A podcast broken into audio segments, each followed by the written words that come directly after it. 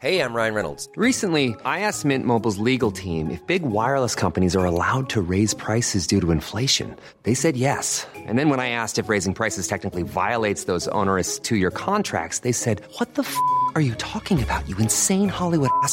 F- So to recap, we're cutting the price of Mint Unlimited from $30 a month to just $15 a month. Give it a try at mintmobile.com slash switch. $45 upfront for three months plus taxes and fees. Promo rate for new customers for limited time. Unlimited more than 40 gigabytes per month. Slows. Full terms at mintmobile.com. Hey, Drew Scott here, and I'm Jonathan Scott, reminding you that life's better with a home policy from American Family Insurance. They can help you get just the right protection at just the right price and help you save when you bundle home and auto. Kind of like Goldilocks and the Three Bears. It'll be just right for you. We love a custom build. American Family Insurance. Insure carefully, dream fearlessly. Get a quote and find an agent at amfam.com. Products not available in every state. Visit amfam.com to learn how discounts may apply to you. American Family Mutual Insurance Company SI and its operating company 6000 American Parkway, Madison, Wisconsin.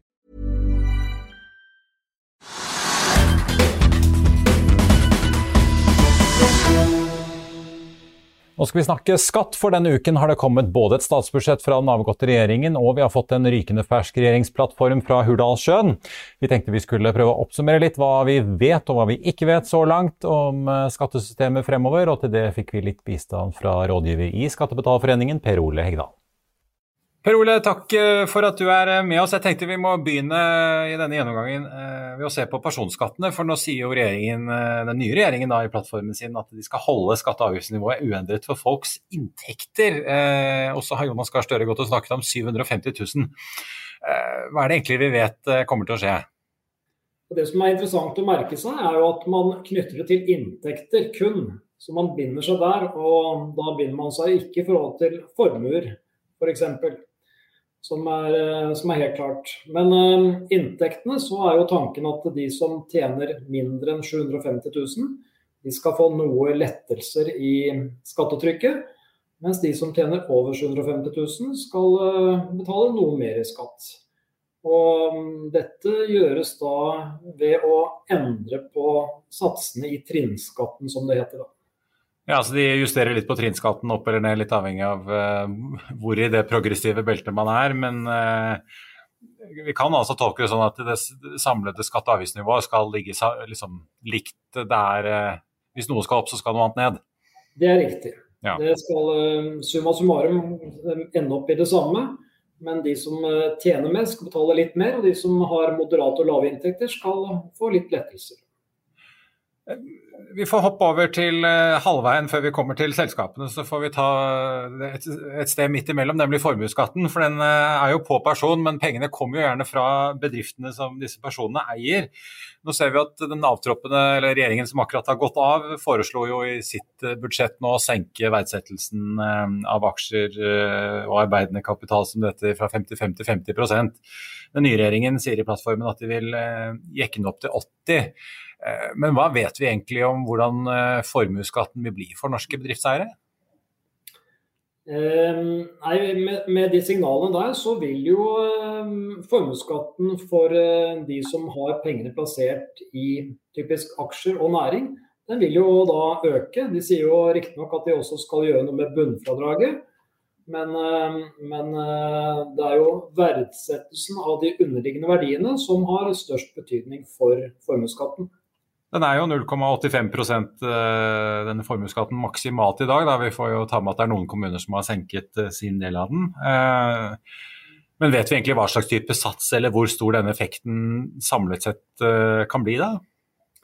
Arbeiderpartiet har jo tidligere signalisert at satsen skal opp på 1,1% fra 0,85. Og at de skal øke bunnfradraget fra 1,5 til 1,7 millioner. Så um, det er vel uh, trolig at de vil lande på det nivået der. Det er det man kan kjøre inn i kalkylen sin? Mm. Uh, så har vi jo da uh, Vet vi egentlig noe mer om på en måte eiendom? Altså Den forrige regjeringen i sitt budsjett nå tidligere denne uken, de økte jo verdsettelsen av sekundærboliger, altså typisk utleieboliger. Øh, og så vil du også hente igjen verdiene litt på fritidsboliger. Vet vi hvordan øh, den nye regjeringen vil øh, beskatte eiendom? Um, nei, vi, ja, vi vet litt. Men um, Solberg-regjeringen uh, tok jo bl.a. til orde for gjennom en høring som nettopp er sendt ut, at uh, fritidsboliger skal uh, i verdi.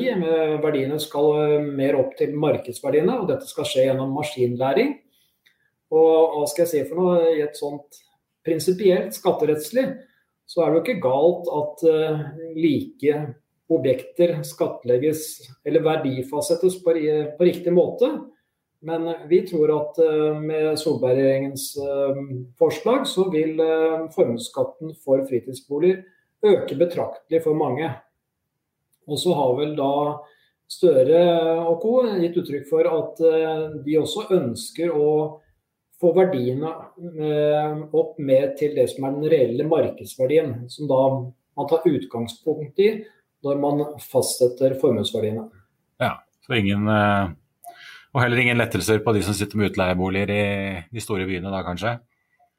Nei, det, det, tror vi ikke. Og hva skal jeg si for noe? Det blir jo spennende å se da om, eh, om de eh, vil innføre en høyere eller lavere rabatt på boliger med verdi over 15 millioner.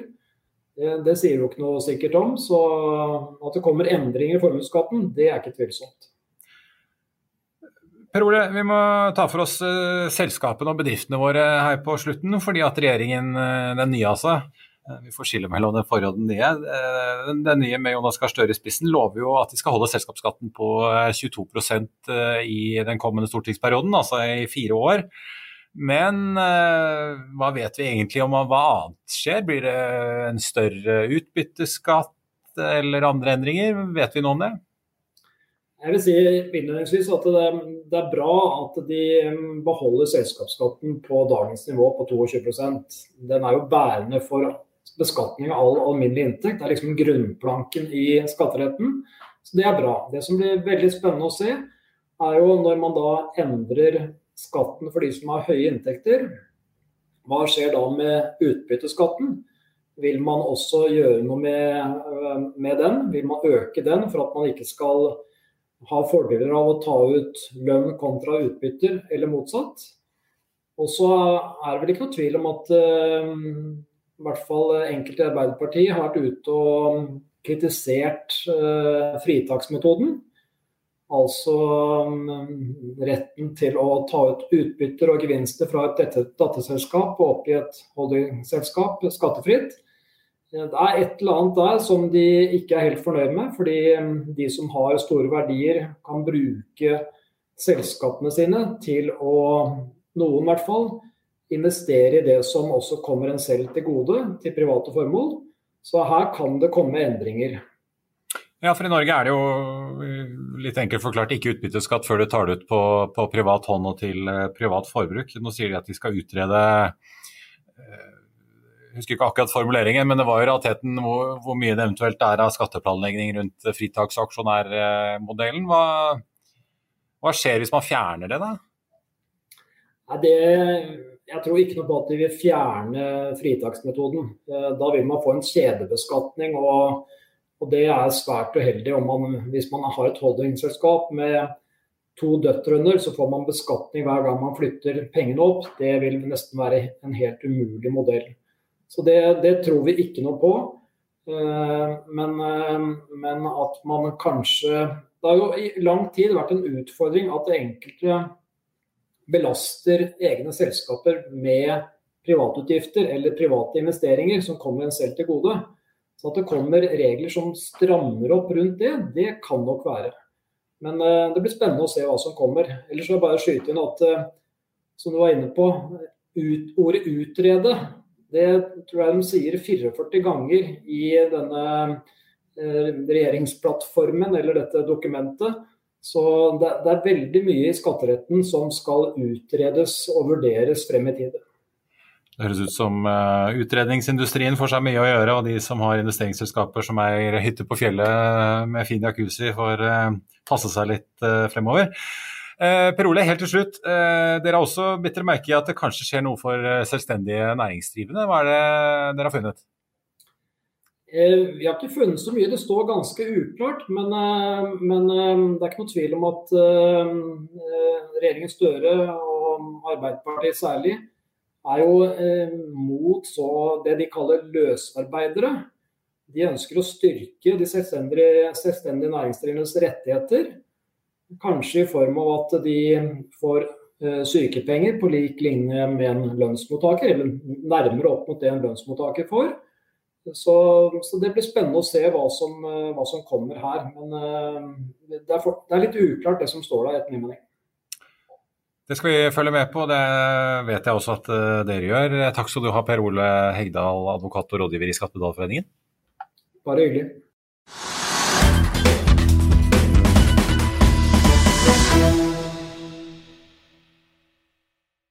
Økonominyhetene er en podkast fra Finansavisen. Programledere er Marius Lorentzen, Stein Ove Haugen og Benedikte Storm Bamvik. Produsenter er Lars Brenden Skram og Bashar Johar. Og ansvarlig redaktør er Trygve Hegnar.